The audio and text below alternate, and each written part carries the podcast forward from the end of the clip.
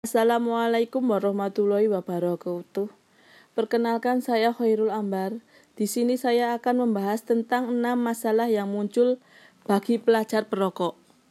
Yang pertama, bisa mengganggu prestasi belajar di sekolah. Kemudian yang kedua, perkembangan paru-paru dapat terganggu.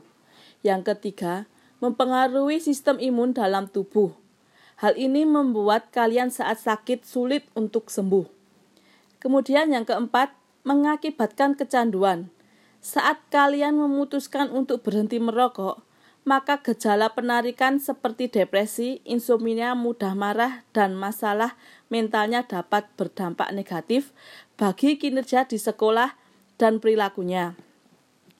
Kemudian yang kelima, terlihat lebih tua dari usianya.